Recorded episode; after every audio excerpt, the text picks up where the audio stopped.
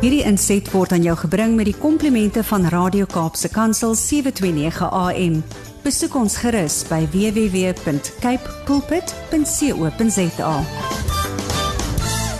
Maar dit is so voorreg om weer vandag met hom te gesels en ek het die die voorsprong dat ek altyd sien op um, sy Instagram Ja? waar gaan Janie Pieter gesels. Aha. En kyk nou, vandag is een van daai dae as dit as dit kom by Janie Pieter, dan dink ek altyd wag, wag, wag. Wat 'n verskoningkie moet ek laat vaar hierdie week en dis presies waar hy vandag gaan Ah, gesels. ek So, gevang. alle verskonings op 'n stokkie sal ons eerder sê. Janie, goeiemôre. Môre alweer so lekker om met julle te kuier.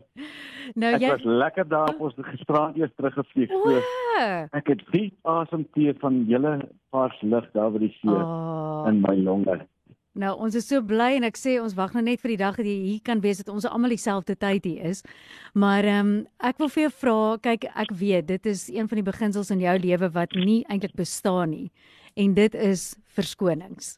Ek meen dit is ook wat jy al menige sportmense in jou lewenstyd geleer het, daai dissipline toe te pas. Maar waar gaan jy vandag met ons gesels? Ja, weet jy omdat ek wil eintlik vir mense sê dis seker die breedste ding wat enige ouer en sy kind kan doen is om vir sy kind 'n verskoning te maak. Dit beteken wanneer 'n kind uh, groot word, dan wil ons as ouers altyd ons kinders beskerm. Hmm. Nou nou nou kom jy kom ons sê jy ma staan met 'n kind en gesels en ek groet die kind. En onmiddellik sê die ma, ag hy's maar bietjie skaam. Want die kind het nou nie uh, mooi of ordentlik teruggegroet of iets van die aard nie. Maar die oomblik was ek wanneer 'n kind 'n fout maak, dan kom die ouers altyd op vir die kind met die fout. En en 'n fout is nou nie uh, iets verkeerd doen nie. Dit beteken jy's jy's ongeskik of iets van die aard. Uh, Ehm um, en dan kom ouers op en soveel ouers beroof eintlik hulle kinders van hulle geleenthede. Ek het nou 'n rukkie terug het ek oor RSG gesels oor daai pa wat op die veld gehardloop het om die ander seun ehm um, of of by skeieregter bygedam en toe het hy ander een van die opponente bygedam Hmm. ehm um, omdat hulle nou teen sy seun verkeerd ge, ge, ge, gespeel het. Maar daai ouer het soveel skade aan sy kind se toekoms gerig want nou leer daai kind om 'n slagoffer te wees van die lewe Ja. en pa gaan altyd instaan. En dis dis wat ek vir mense wil sê, moet nooit 'n verskoning hê om enige iets te kan doen nie. As jy 'n verskoning het, weet jy hou liewer jou mond want daai verskoning laat jou slegter voel oor jouself as wat jy sou gevoel het sou sou jou mond gehou het. Hmm. Ehm um, vat liewer verantwoordelikheid en sê weet jy wat ek het dit net nie nou reg gekry nie. Ek kon dit net nie nou doen nie of iets van die aard, maar 'n verskoning aan te bied. Ek ek ek het nou gisterand of gister my mindset geskryf en sê ek geen kampioen en geen meester het nog ooit 'n verskoning aangebied vir dit wat hulle doen nie.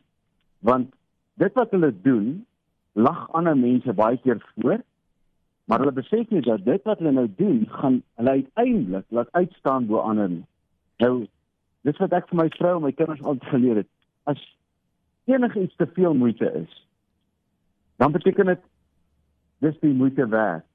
So as enige iets te veel moeite is, dink dit in jou kop, Mhm. dan is dit die moeite werd. Want jy weet nie wanneer jy gaan vrugte pluk van dit wat jy nou doen. So as jy nou iets doen wat ander mense nie gaan doen. nie. Ek ek praat nou met my seun, hy hy bel my vanoggend, hy's net in Amerika en sê pa, hoe moet ek die energie wat ek ehm um, kry as ek by die college tennis speel? Daai maats wat langs die baan sit en hulle gil vir my en ek is opgewonde en dit gee my soveel energie. Hoe kan, moet ek dit regkry as ons nie by die college tennis is? Ek ek weet in 'n toernooi is en ek sê te hom, Victor, karakter is dit wat jy doen wanneer niemand anders jou sien. Hmm, so. So wat is jou karakter? Dis die vraag wat jy vir jouself moet vra. Wat is jou karakter? Kan jy net energie gee as ander mense vir jou kyk?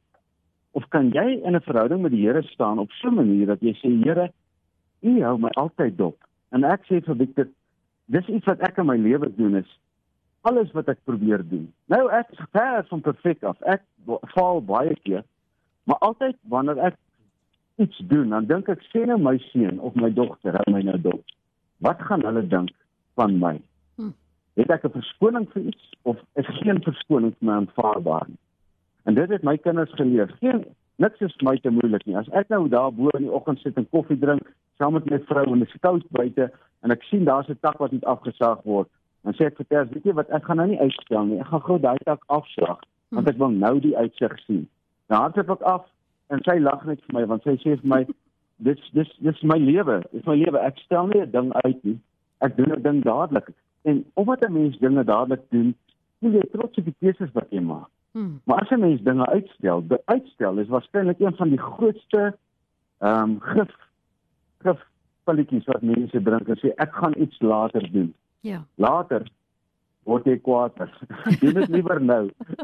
dan ek ek later word jy kwaader as jy dit nou doen dan val die ander mense flou.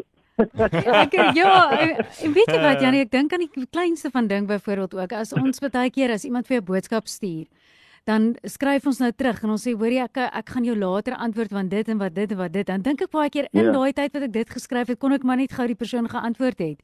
So dit is nogal so en en dit bou so op. Ek meen die een ding wat ek kan getuig wat by my opbou is e-mail in my lewe. Ek het nog nooit van e-posse gehou nie. En ek moet versigtig wees want as ek nie aandag gee, weet elke dag nie, dan is dit 'n ding wat regtig kan akkumuleer en as jy weer sien, kan jy net nie opvang nie. Dis daai opvanggedeelte wat dan al hoe moeiliker raak. Dis waarmee ek nou hier sit, want ek was nou laasweek vir 3 dae in die Kaap en ek sit hier ek ek, ek, ek het my hardloop vanoggend want ek moet nou Rustenburg toe ry. Ek ja. het 'n paar minute tyd hier om e-posse te antwoord en ek weet nou ek gaan nie deur almal kom nie, maar ek moet nou ja. ek moet doen wat ek kan en dan gaan ons voort en ehm um, dan gaan die lewe aan. Maar daar's 'n tyd en 'n plek vir elke ding. So jy kan net doen wat jy kan doen die dag en ek doen my beste en ek ek neem myself nie kwaadlik as ek nie deur alles kom nie. Mense moet verstaan dat Ehm um, as ek op die golfbaan is, kry jy my nie. Dan gaan ek nie nou antwoord nie. Ja. So as ek in die Weskaap nou weggekruip het, ek het niks gewerk saamgevat nie. Ek gaan nie daar goed as antwoord nie. Gelukkig was ons buitekant 'n uh, opvangsgebied, so ek voel nog minder skuldig, maar mens moet nie skuldig voel oor die keuse wat jy maak in jou lewe nie. Wanneer jy 'n keuse maak, maak 'n goeie keuse, maar om 'n verskoning aan te bied waarom jy nie iets gedoen het nie. Dis 'n flou ding. Ja. Nie 'n verskoning hê nie. Jy het 'n rede. En my rede is uh, as ek nie die e-posse vandag antwoord nie, my rede is ek het gaan asem skep by die Weskus en daarom het ek 'n bietjie opgehoop, maar ek gaan stadig maar seker terugkom deur almal en ek sal by almal uitkom. Ja.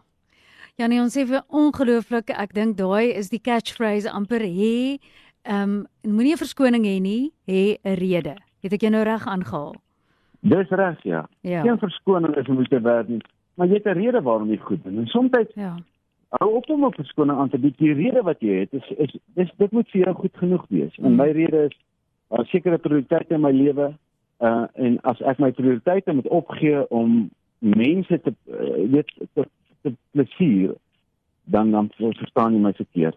Ek ek het my my my prioriteite is baie redelik. Vanoggend het ek nou my hardloop gaan opgee en dit is 'n moeilike een wat ek opgegee het. Ja. Maar ek het ek het laas week het ek die asem skep gehad. So vir elke ding wat ek betaal, of opgee, het ek 'n prys wat ek betaal. So dit dis die lewe, dis vat en gee. Hmm.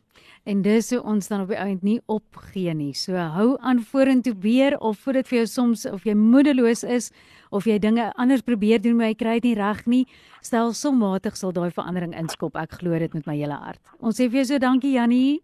Dankie Almarie, julle met 'n heerlike week en julle stem en die ore van ander mense is goud uit die mond van die Here. Geniet dit oh. en julle is kosbaar. Oh, baie oh, dankie. Thanks Jannie. Bye. By julle. Hierdie inset was aan jou gebring met die komplimente van Radio Kaapse Kansel 729 AM. Besoek ons gerus by www.cape pulpit.co.za.